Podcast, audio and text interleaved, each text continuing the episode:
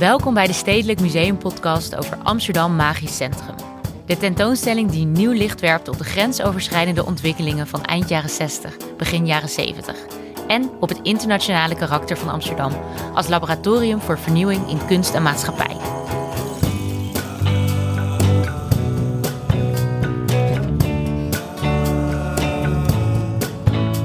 Ik ben Yukiko en dit is aflevering 5 van deze podcastreeks. In de eerste vier afleveringen hoorde je vooral kunstenaars aan het woord over het Magisch Centrum, over het jaar 1968 en hoe hun kunst en hun activisme eigenlijk samen versmolten. In deze aflevering gaan we het een tikkel anders doen. We zitten nu in een studio in het Vondelpark met twee conservatoren die samen betrokken waren bij de tentoonstelling. Tegenover mij zit Leontine Koelewij van het Stedelijk Museum en Harm Stevens van het Rijksmuseum. We gaan het hebben over het verhaal achter de tentoonstelling, de lastige keuzes die ze soms moesten maken en hun gekilde darlings. Maar ook over de uitdaging om iets in beeld te brengen wat niet tastbaar is. En waarom je gewoon seksplaatjes kunt lezen in de biep van het Rijksmuseum. Ik zag duizenden Amerikaanse hippies naar Amsterdam komen naar het Vondelpark. Amsterdam is het magisch centrum van onze westerse asfaltjongen. Zoiets dergelijks. Welkom, superleuk dat jullie er zijn. Hey, als ik ehm, naar het stedelijk ga, dan ga ik eigenlijk heel vaak naar een tentoonstelling die over één kunstenaar gaat of over een stroming. En nu gaat het echt over een tijdvak. Waarom hebben jullie gekozen voor deze periode? In de eerste plaats omdat het een hele spannende tijd was. Zelf eh, ben ik al wat langer zeg maar, als conservator in het stedelijk bezig met de beeldende kunst van die periode, die late jaren zestig. De opkomst van de conceptuele kunst, het eind van de minimal art. Er gebeurde heel erg veel. En ik vond het heel erg spannend om eens een keer te kijken naar zeg maar, het wat bredere maatschappelijke, culturele klimaat waarin die ontwikkelingen ontstonden. En vooral om wat te focussen op onze eigen collectie. Gewoon de vraag te stellen van wat hebben wij nou uit die tijd in onze verzameling? Ja, en- die belangstelling voor de jaren 60, die, die leefde ook al wat langer bij ons in het Rijksmuseum. Dus dat was eigenlijk een soort toevallige samenloop van omstandigheden. En juist dat maatschappelijke, dat is voor ons interessant. We zijn ook een historisch museum. Als er nou één decennium maatschappelijk is, dan zijn het de jaren 60. En dat pakt eigenlijk wel aardig uit. Dat culmineert dan ook juist in die laatste drie jaar, wat de focus is van deze tentoonstelling. Want hoe gaat dat dan? Want jullie werken alle twee aan het Museumplein. Leontine, had jij dan het idee en liep je naar de overkant naar Harm en zei je, zullen we dit samen gaan doen? Nee, helemaal niet. het was wel heel grappig. En want je ik was... kwam mij, mij tegen? Nee. Nee, nee, wij kwamen elkaar niet op midden op het plein tegen. Nee, Ehm, ik was op bezoek bij iemand die, uh, Tjebbe van Tij, die een hele belangrijke rol speelde in die tijd. Want die was activist, kunstenaar, die deed echt van alles. Dat, dat wist ik wel. Dus ik was bij hem eh, langs om iets meer te horen over eh, die periode. En toen zei hij tegen mij... Jij moet eens gaan praten met die Harm Stevens van het Rijksmuseum. Dat is interessant voor jou. Dus ik heb eh, snel zijn wijze raad opgevolgd en afspraak met Harm gemaakt. En ja. Ja. eigenlijk al snel vonden wij elkaar in een gedeelde interesse, Ja, want en ik, ik meen me te herinneren ook dat, dat dan eh, ja, eh, op het museumplein rondzoomde. Dat klinkt nu heel eh, gewichtig, maar dat jullie dus ook met tegencultuur iets wilden doen. En, maar ja, dat was echt wel bij uitstek ook een soort van kernwoord van dingen waar, waar wij, waar ik mee bezig was. En eh, ja, zo, zodoende. Ja, en wat ik heel interessant vond. Kijk, ik, ik ben een kunsthistorica, dus ik weet best wat van beeldende kunst. Maar ik ben geen historicus. Dus, eh, en Harm is dat wel. Die komt echt vanuit een andere richting. Dus dat was ook meteen al Ja. zo prettig dat het elkaar enorm aanvult. Dat hij veel meer kennis heeft op een bepaald gebied. En tegelijkertijd is het Rijks ook serieus aan het verzamelen. Ja. Ehm, dus het uitgangspunt was, we gaan echt ook naar collecties kijken, naar verzamelingen. Ja. Wij hadden al veel, omdat we in het stedelijk in de jaren zestig al nodig hadden aangekocht. Nou, het Ja. Rijks is daar ehm, ja, tegenwoordig heel actief eh, mee bezig. En dan ook specifiek met eh, werk uit de jaren 60? Ja, nou ja, wat wij de laatste jaren vooral hebben ons op hebben gericht, dat, dat is die, die counterculture en, en, en tijdschriften. Dus dat zijn dingen die bij ons in de bibliotheek terecht zijn gekomen, maar die ook heel interessant zijn om te laten zien aan mensen. Behalve dat je ze in de bibliotheek hebt en, en kan inzien, zoals dat heet. En, en bij jullie is het natuurlijk een, het stedelijk is natuurlijk een interessant element dat die jaren zestig, die zijn daar ook met een soort van grote golf binnengeramd en, en er weer uitgegaan. En, eh, en, en het, voor, voor, voor ons is dat dan nu toch iets waar we op terugkijken. Niet dat de jaren zestig volledig voorbij gegaan zijn aan het Rijksmuseum. Want de nachtwachtzaal is ook keurig bezet in 1969.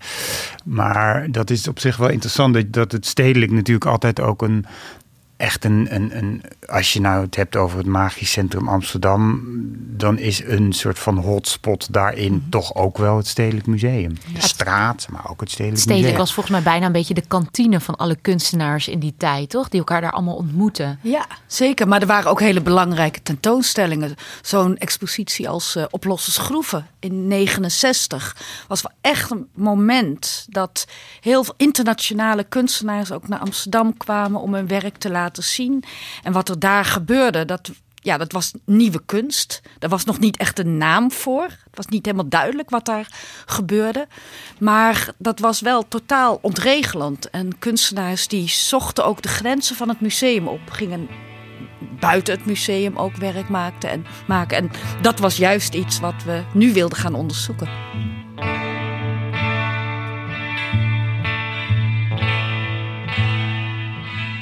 Hey, de, de, de, mensen die luisteren, die zien dat niet. Maar jullie beginnen alle twee een beetje te twinkelen in jullie ogen als jullie praten over de jaren 60. Volgens mij hebben jullie een, een grote passie voor. Maar neem mij eens mee in het maken van die tentoonstelling. Voor mij begon het heel erg met het zoeken in onze collectie naar werken die gemaakt zijn in die periode of aangekocht in die tijd. Um, nou, dat, dat doen we zeg maar heel praktisch door te zoeken in ons database. Dus je kunt gewoon zoeken op het jaar van vervaardiging of het jaar van aankoop. Nou, dan krijg je hele lijsten. Vervolgens ga je in het depot kijken naar die werken. Heel vaak uh, is een kunstwerk dat jaren geleden is aangekocht, tijd niet getoond, soms in slechte conditie. Dat was bijvoorbeeld bij het werk van Verdi het geval. Dat is een prachtig werk, maar dat is van Kunstbond. En dat was ja, echt niet in goede staat. Dat had ik trouwens al een paar jaar geleden gezien. Een van de eerste ideeën die ik trouwens had bij het maken van die tentoonstelling was: ik wil die Verdi laten zien, want ik vond het echt een geweldig kunstwerk. En ik was eigenlijk al tien jaar lang. Zocht je een excuus? Zocht ik een reden om een goede context om dat werk te kunnen tonen. Ja. Dus toen ik ook maar een beetje een idee had dat deze tentoonstelling gerealiseerd kon gaan worden, heb ik ook met de restauratoren overlegd van laten we nu echt dat werk gaan restaureren, gaan aanpakken. En dat werk is gemaakt van kunstbond, gevuld met een soort kunststof en er zitten allemaal lampjes in.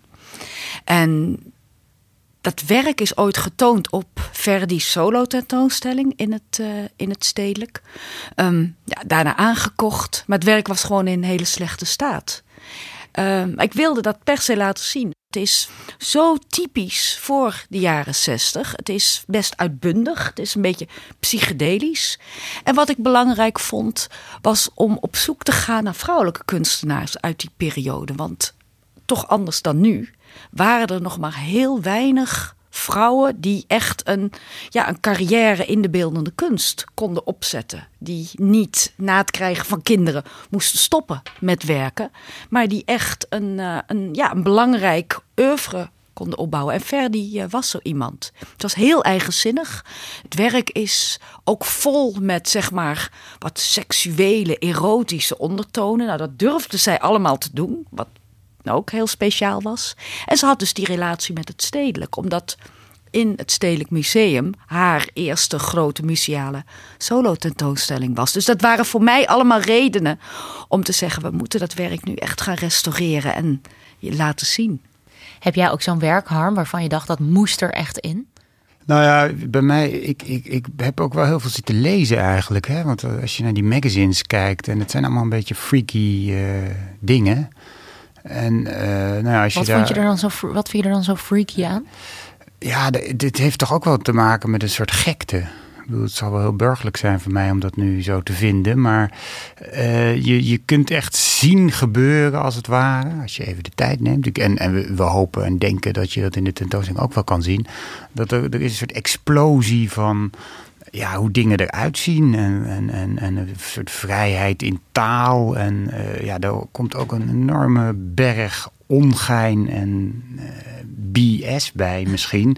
Maar dat is toch wel, wel bijzonder om, om ook als het ware voor je ogen te zien. En dat, dat vond ik wel heel interessant om dat bij, bij zo'n onderzoek ook een beetje te ondervinden iedereen pakt, hoe noem je dat, pakt een soort podium en gaat zich uitspreken. En, en ja, juist die magazines en posters en affiches en al die dingen die je eigenlijk heel snel kan maken. Dat hoort natuurlijk heel erg bij die tegencultuur. Die, die, ja, die, die geven daar toch een heel uh, indringend beeld van. En als je dus die drie jaar, als je die bekijkt, van 67 tot 1970 gewoon het hele aanzien verandert. Alles wordt veel kleuriger. De, de clichés, maar het haar wordt lang. Echt heel lang. En, het, en, dat zie je natuurlijk ook heel mooi terug in al die tijdschriften. Omdat dat natuurlijk echt het tijdsbeeld van toen Ja, dat alles, alles los. En uh, ik bedoel, dat is dan een typisch geval van dat het geen autonome kunst is. Maar wel, op een gegeven moment hebben we een aantal, uh, wat je noemt, seksblaadjes verworven. Dat zijn dan echt de vroegste uh, seksblaadjes. contactadvertentie tijdschriften. Uh, uit 1968 en iets later. Nou ja, dat, dat is dan echt voor het eerst dat dat verkocht wordt, een beetje onder de toonbank. Um, maar ja, dat, is toch, dat zijn toch een soort van uh, uh, ja, beelden waaraan je dat hele vrije en, en dat, ja, ook dat, dat hele zoeken naar ja, dat, dat bloot, dat is ineens overal. En, ja, de eerste naakte vrouw was in dat jaar volgens mij zelfs op tv, toch? In Hoepla. Ja, en die is dan heel, uh, eigenlijk heel uh, artistiek ook. Het is echt wel zo'n soort van uh, moment in de vaderlandse geschiedenis dat veel bloem op televisie is. eigenlijk helemaal ingebed in die ludieke VPRO-achtig, wat dan eigenlijk totaal voor het eerst is op dat moment, maar wat we later kennen als die VPRO-achtige humor. Uh, maar daarom zijn die seksblaadjes dan ook weer interessant. Omdat dat, ja, dat is natuurlijk iets wat, eh, wat toch weer uit een hele andere hoek komt. En wat, wat ook al heel snel heel commercieel wordt. En seks sells, dat idee. En, en, en Phil Bloem is, nog wel, is ook wel een soort van artistiek statement. Nou, dat hebben we ook onderzocht. Hè? Van hoe zit dat nou eigenlijk? Ja, want jullie vinden eigenlijk een heel mooie balans tussen... Um, heel veel kunstwerken laten zien, maar ook echt die... het is jullie ook goed gelukt om die tegencultuur uh, te verbeelden. Terwijl dat lijkt me ook best wel lastig om eigenlijk iets wat niet per se tastbaar is in een museum over te brengen. Vond, hoe vonden jullie dat zelf om te doen? Ja. ja, er zijn natuurlijk een paar momenten geweest die toen al goed, zeg maar, verzameld, gearchiveerd, gedocumenteerd zijn. Zoals bijvoorbeeld de studentenopstand in uh, Parijs. Mhm. Waar eigenlijk al meteen iemand van het Internationaal Instituut voor Sociale Geschiedenis... die is naar Parijs gegaan. Heeft heel veel van die affiches meegenomen...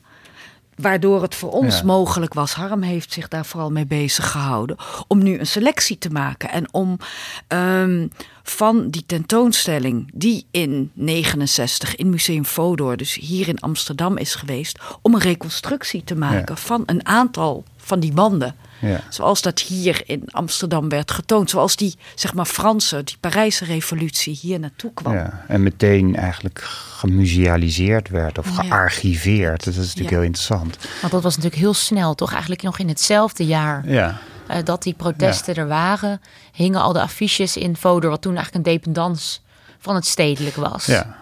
Ja, daar zat meteen ook zo'n zo'n geval in van. Je vroeg net van ja, hoe, hoe hoe leg je daar nog de vinger op en, en hoe ga je daarmee om?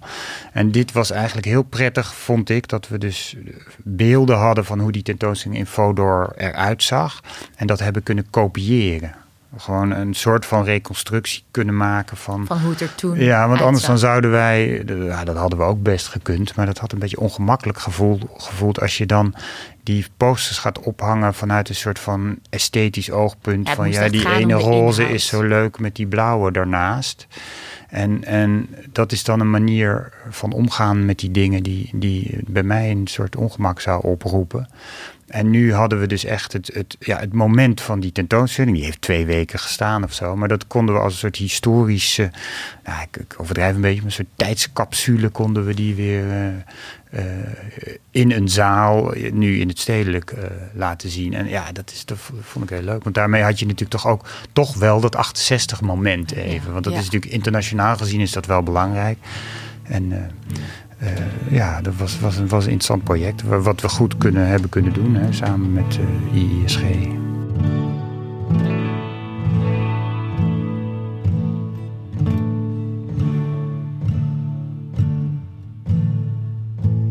Ik, eh, ik ben geboren getogen Amsterdammer. Ik, ik ben 27, dus ik heb echt lang niet 1968 meegemaakt. Maar voor mij was het wel echt een openbaring. Omdat ik heel erg snapte door deze tentoonstelling...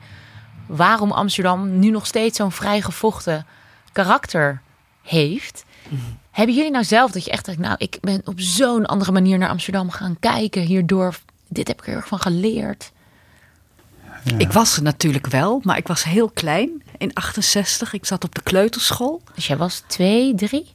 Ik was, eh, nee, ik was eh, vier in 68, ja. En ik zat dus op school op het Frederiksplein. En nu zie ik allemaal die geweldige foto's van die opblaas. eh, ehm, hoe heette dat? De, de- de, de- de, Event Structure, Research, Group. Ja. En Ja. opblaasspeeldingen. En ik ging heel maakte- erg terug. Dus zij maakte een soort opblaassculpturen. Waar je in kon, waar je mee kon spelen, waar je omheen kon. Van alles mee kon doen. Het was echt een andere opvatting over kunst. Hè? Kunst moest niet meer statig en keurig alleen maar in het museum worden getoond. Maar juist op straat, op een plek waar mensen, volwassenen, kinderen. daar iets mee konden gaan doen. Het mocht echt uit gaan maken van het dagelijks Ja. leven. Hè? Want ze Ja. hebben volgens mij zelfs een bal waar je in kon Ja, lopen. op lopen. De waterwalk was dat. Precies. Ja, ja, Ja. dan kon je mee op de Slotenplas. Dus allemaal super spannende dingen. En dus ik dacht van, oh, heb ik dit, ben ik daarin geweest? Ik probeerde heel erg diep in mijn geheugen En te te graven. hopen. Want het moet, het, het, het moet kunnen zijn dat ik daar was. En, maar mijn herinnering ging niet meer zo ver terug Nee. dat ik dat nog heel precies eh, wist. Maar eh, nee, ik liep hier eh, wel rond. Maar ik heb natuurlijk het meeste geleerd door onderzoek te doen, door er veel over Ja. te lezen. Door En is er dan te- één ding waarvan je denkt... oh, dat wist ik eigenlijk helemaal niet over onze stad. Nou, je hebt wel een beetje een soort algemeen beeld. Maar het is meer dat het veel meer gaat leven. Ja. Ja, wat ik, wat ik, dingen die ik interessant vond, is om te zien dat de, de gemeente, dus gewoon keurige ambtenaren van de afdeling jeugdzaken Ja. of zo, ja, die pikken ook allerlei dingen op. Hè? Dus, dus die maken allerlei dingen mogelijk. Want er moesten natuurlijk wel afspraken over gemaakt worden. Het is niet één grote anarchie eh, van eh, doe maar wat. Eh, waarschijnlijk voor die, die, die, die, die opblaasdingen moest ook keurig een vergunning worden aangevraagd. En, maar wat je ziet is dus dat de gemeente ook allerlei dingen mogelijk maakt. En, en je ziet in, juist in die jaren, dit is dus na Provo, in de tijd van Provo eh, werd, dat nog, eh, werd daar nog wat repressiever eh, mee omgegaan. De politie treedt op en dergelijke. Maar er is een besef dat er een soort jongere vraagstuk is en ze vervelen zich. En we moeten dus allerlei dingen mogelijk maken voor jongeren om te voorkomen dat ze zich vervelen. Want als ze zich vervelen, dan gaan ze hangen en gebeuren de verkeerde dingen. En, en nou ja, dus die, die, die, eh, die ambtenaren die, eh, die, die maken allerlei dingen ook mogelijk. Nou ja, dat Paradiso is daar uiteindelijk een, Ja, dus een resultaat feit- van tot op zekere hoogte. Dus dat is wel bijzonder. Dus eigenlijk het feit dat de gemeente gewoon... eh, nou, het ook zo erg faciliteerde en een goede banen leidde... dat is eigenlijk ook wel heel bijzonder. Ja, dat, dat is de theorie van eh, dat, dat er dus een besef was van ja, er is, er is een soort eh, revolte gaande onder de jongeren. Laten we maar een beetje meebuigen. Want dan. eh, en, en, en ja, daar, daarom heeft Amsterdam natuurlijk nu ook zo'n imago van een.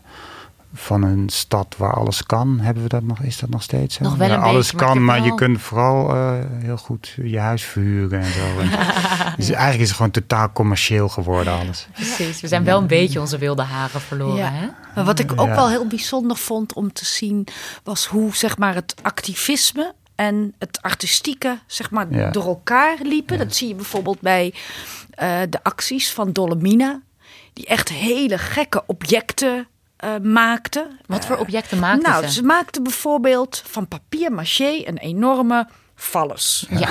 Op en die, wij hebben ze neergezet op de Dam en op het Rembrandtplein.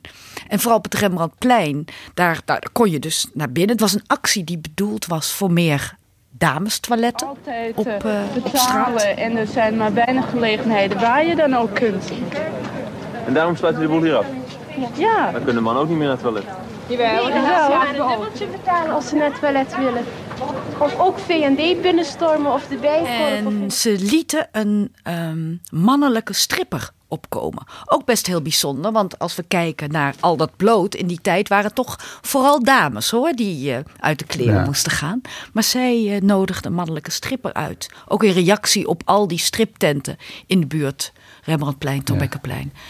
En ja, ik, ik vind het met, met zo'n actie als deze, maar ook andere, hoe zij zeg maar artistieke eh, methodes, praktijken gebruikten. Een beetje provo-achtige, heel ludiek, heel onverwacht. Mensen op het verkeerde been zetten om hun eh, ehm, ja, doelstellingen naar buiten te brengen. Om, om te protesteren, om actie te voeren. Dat vond ik wel echt heel, eh, heel bijzonder. En het was ja, ook speciaal als je dan jonge ac- actievoerders van nu hoort. En ze zien de tentoonstelling, dan zeggen ze van... oh, hier kunnen wij nog wat van leren. Dit is echt heel speciaal wat ze in die tijd eh, deden. En ik ben, dan ben ik blij dat dat echt zo overkomt. Ja, dat kan ik me heel goed voorstellen. Zijn er nog andere voorbeelden te, te bedenken van waar kunst en activisme zo goed samengingen in die tijd? Er waren natuurlijk ook heel veel kunstenaars die kritiek hadden op naar de instellingen waar jullie nu werken. Eh, Rijksmuseum, Stedelijk Museum. Daar werd Ja, ook wel kunst rondom gemaakt, of niet? nou, dat is natuurlijk een heel interessant element. Dat, je, dat die tegencultuur zich natuurlijk eh, gewoon toch bij uitstek ook richtte tegen het establishment en tegen de instituten. Nou, het stedelijk was een instituut, eh, het Rijksmuseum ook, denk ik, ben ik bang. en ik bedoel even voor the sake of the argument. Het is natuurlijk heel gek om een aantal van die dingen die heel erg bedoeld waren voor de straat. En die ga je dan in een vitrine stoppen. Ja, precies. Dus dat voelde wel leuk eigenlijk. Voelde toch dat leuk of voelde het ook een beetje tegenstrijdig? Ja, op een geinige manier. Eh, kijk, eh, uiteindelijk is het, eh, begrijp me niet verkeerd, allemaal zeer de moeite waard. Hè? Want we zijn nu een paar decennia verder. En mm, uiteindelijk is die tentoonstelling natuurlijk een terugblik. En wij vinden het nu belangrijk om dat weer on- onder de aandacht te brengen. Er zit natuurlijk een element in dat het een historische momentopname. Het is een historische tentoonstelling tot op zekere hoogte. En dan is het vervolgens interessant om te kijken van wat voor dingen er ook in de actualiteit nog verbinding mee hebben. Ehm, maar het is ook een. Het, het, het, tot op zekere hoogte kilt het natuurlijk ook wel een beetje die, eh, die spirit van toen. Toen was er natuurlijk veel kritiek dat jullie een beetje een gesloten instituut waren. Doen jullie dat dan nu anders? Ja, het, het, nou, het, het meest opvallende moment van het stedelijk als gesloten instituut is denk ik het moment dat al die actievoerende kunstenaars van de BBK, ik geloof dat het in 1970 was, naar het stedelijk trokken, want ze wilden het stedelijk gaan bezetten. En ze mochten er niet in. En dan is er een beeld van de directeur Edi de Wilde, die daar staat voor de deur met een megafoon om de hele groep toe te spreken. Het museum is gesloten op last van burgemeester en wethouders. Die zit achter de groene tafel. En uiteindelijk gaan ze richting het, eh, het Rijks. Dus ze mochten er niet in.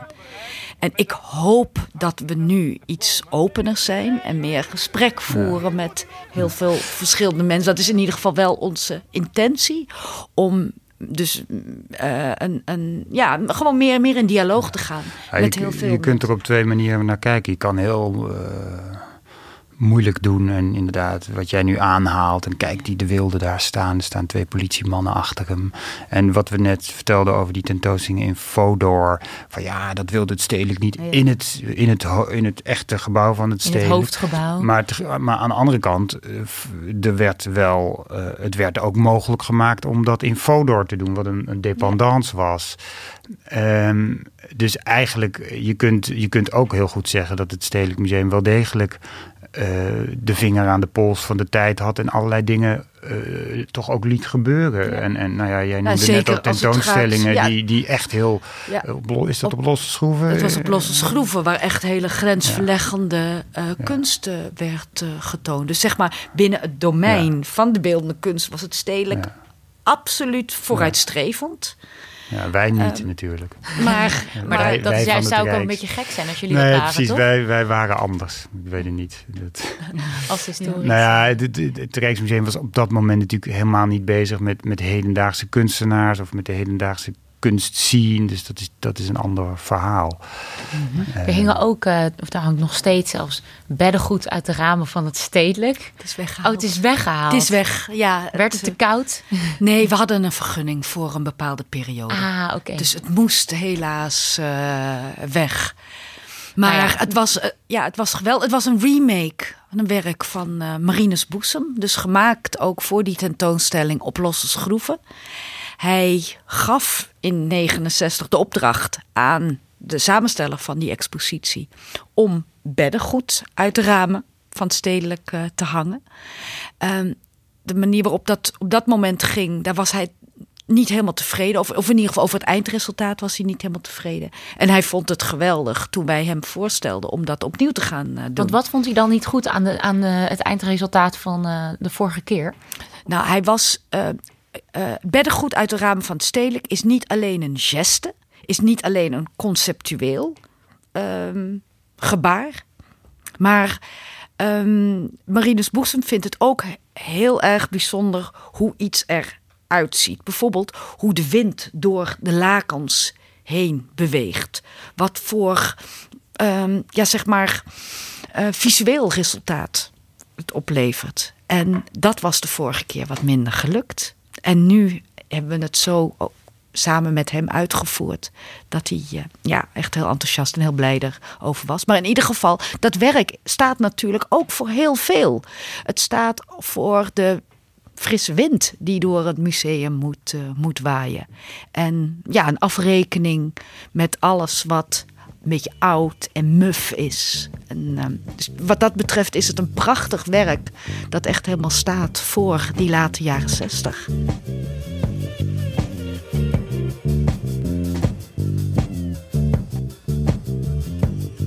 Je hebt natuurlijk ook wel eh, te maken met eh, beperkingen. Het museum is maar zoveel zalen groot.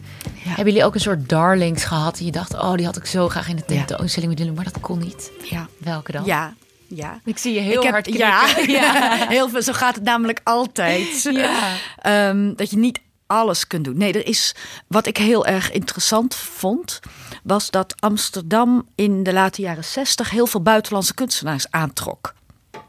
Ehm, en zo iemand als Paul Tech, de Amerikaan, echt een hele interessante kunstenaar, heeft hier een tijd in Amsterdam gezeten in een eh, atelier op Prinseneiland. Een atelier dat ge- onderhouden werd door het Stedelijk Museum. Had daarna een solo tentoonstelling. Geweldige installatie. En dat werk wilde ik eigenlijk eh, opnieuw laten zien. Maar dat lukt om heel veel redenen niet. Eh, delen ervan zitten in een eh, collectie in Duitsland, lenen het helemaal niet uit. Eh, er zijn nou, heel veel vragen over sowieso reconstructie met zijn werk. Dat werd te complex. Maar ook een andere, een Duitse kunstenares, Charlotte Posenenske, die iets maakte voor de eerste tentoonstelling bij Art and Project. Hele belangrijke galerie in, in Amsterdam in, vanaf de jaren 60. Wilde ik ook reconstrueren. Ook gewoon om allerlei praktische financiële redenen niet gelukt. Dus Dan loopt het daar dus op stuk. Of dat gewoon het praktisch soms gewoon niet lukt. om, om, iets, ja, om iets hier naartoe te halen, omdat het niet mag reizen bijvoorbeeld, omdat het waanzinnig duur wordt. Eh, Dat, dat, zijn, dan, eh, dat zijn dan redenen. Om, maar dus dat ja, daar zijn er delen van het verhaal wat ik misschien heel graag had willen vertellen. Het had makkelijk twee keer zo groot kunnen worden en dan hadden we het, ja, had ook gekund. Ja.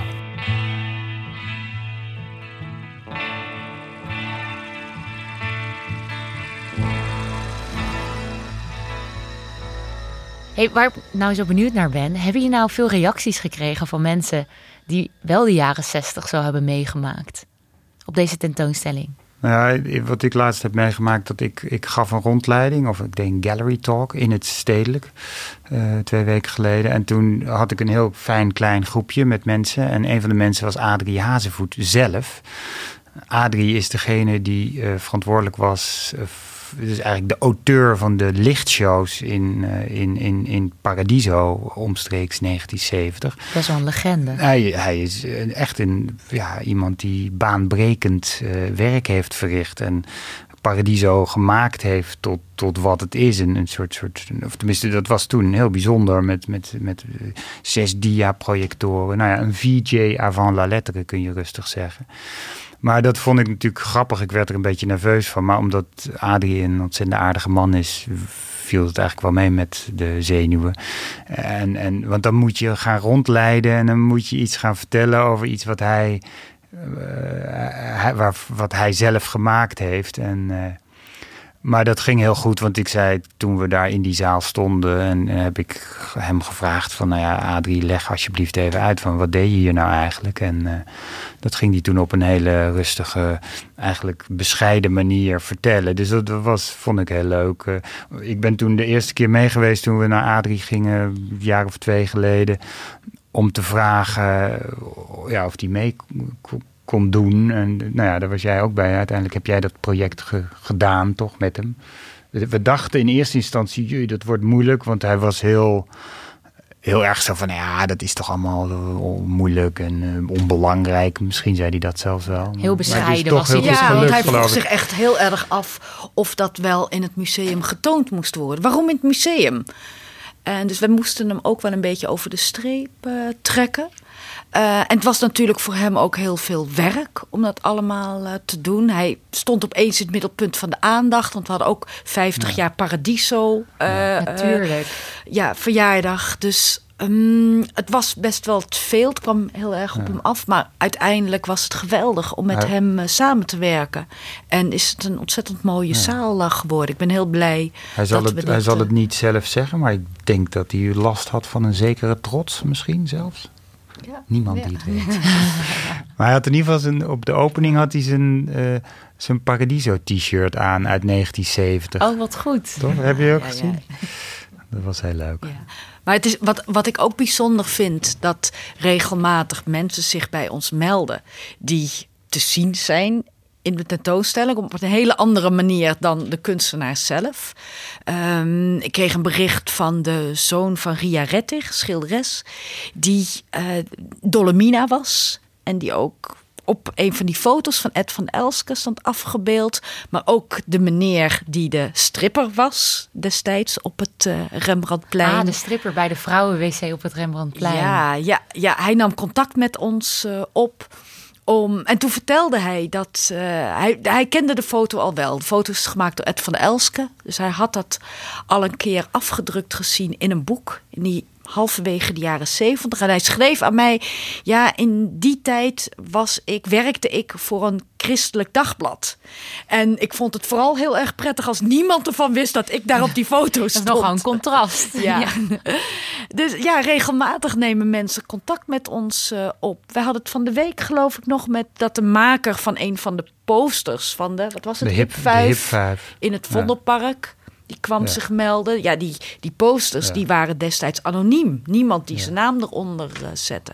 Wat, wat waren dat voor Ja. posters? Ja, die, die, die, die zijn in eh, 1967 in, in mei of zo gemaakt. En dat was dan de Hip 5. Dat was een soort bijeenkomst hier vlakbij in het Vondelpark. In de, op de Speakers Corner. We zitten nu ook in het Vondelpark. We zitten midden in Vandaar. het Vondelpark. En eh, die man die heet Ronald Slabbers, moeten we nu even noemen. Hij zei dat, dat hij had dat dus, hij was 17 toen. En heeft dat dat is een A4'tje eigenlijk, een soort pamfletje. En heeft een soort bloemetje getekend. En heel, het is heel, ja, wat je zou kunnen noemen, psychedelisch, flower power-achtig. Uh, en zei ook dat dat onder invloed van in ieder geval uh, marihuana gemaakt was. Dus die man die meldde zich. Ik heb hem opgebeld en vervolgens zat ik wel anderhalf uur aan de telefoon met hem. Hij zei ook steeds, ja, ik ben nogal lang van stof. dus hij weet dat zelf. En dat vond ik ook helemaal niet erg. Maar dat, is, dat is wel, uh, wel leuk. En hij, hij wil graag een keer komen kijken. Dus uh, die komt er ook aan. Ja. Want uh, straks is de tentoonstelling afgelopen. Wat gebeurt er dan met al die werken? Mogen mensen ook... Uh, worden weer opgesloten. Worden weer opgesloten. Ja, krijgt, uh, goed opgeborgen. De heer Slabbers niet zijn uh, affiche terug? Nee, nee, nee, want die is van ons. Dus, maar hij kan, hem, hij kan hem... Nee, die gaan... Ja, heel saai, maar zeg, in het geval... Ja, ook de kunstwerken gaan terug naar dat depot waar Leontien het net al over gehad. Bij ons gaat het ook terug. De dingen die wij in bruikleen hebben. Dus de spacepakken, die worden netjes aan een knaapje gehangen. En nou, noem nog eens wat. Uh, soft living room. Dus, van ja, die, die gaat, ja, naar, gaat terug waar, naar het museum in uh, Schiedam. Dus dat wordt helemaal ontmanteld. Ja. Eerst, nee, eerst heel goed schoongemaakt. Want er zijn natuurlijk ontzettend veel mensen in geweest. Ja.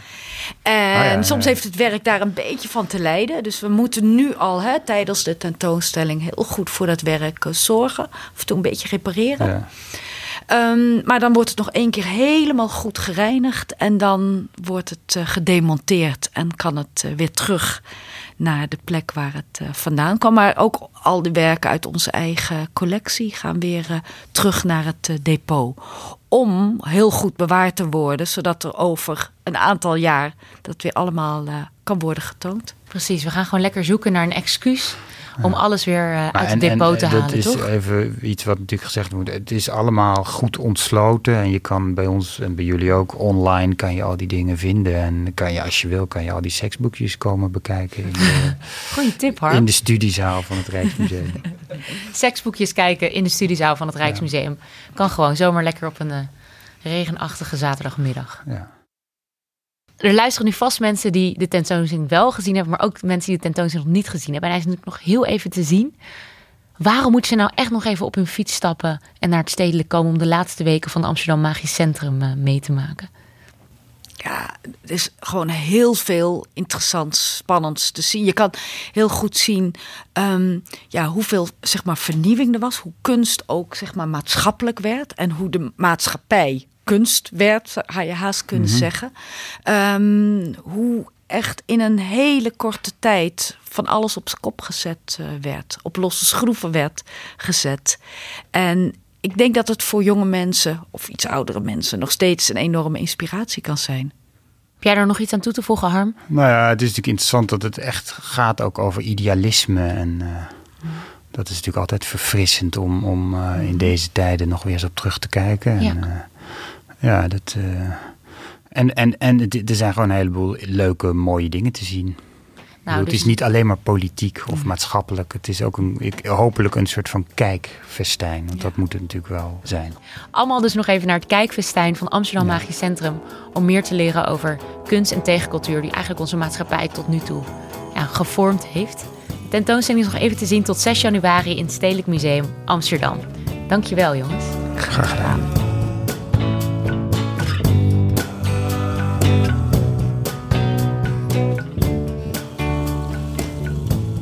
Dit was aflevering 5 van de Stedelijk Museum podcast over Amsterdam Magisch Centrum. Waarin ik, Yukiko, in gesprek ging met Leontine Koelewij en Harm Stevens. Dank daarvoor. Dank ook aan Saskia Dubois van het Stedelijk Museum en aan Misha Melita en Anne Janssens van Dag en Nacht Media. Wil je meer horen over Amsterdam Magisch Centrum? Beluister dan ook de andere aflevering van onze podcast. Dit was de laatste aflevering van deze podcastreeks. Maar blijf vooral geabonneerd op dit kanaal voor meer mooie audioproducties van het Stedelijk Museum. Wil je ook andere leuke podcasts luisteren? Kijk dan ook eens op dagennacht.nl. De tentoonstelling Amsterdam Magisch Centrum loopt tot 6 januari 2019 en is heel erg de moeite waard. Dus heel veel plezier en tot ziens.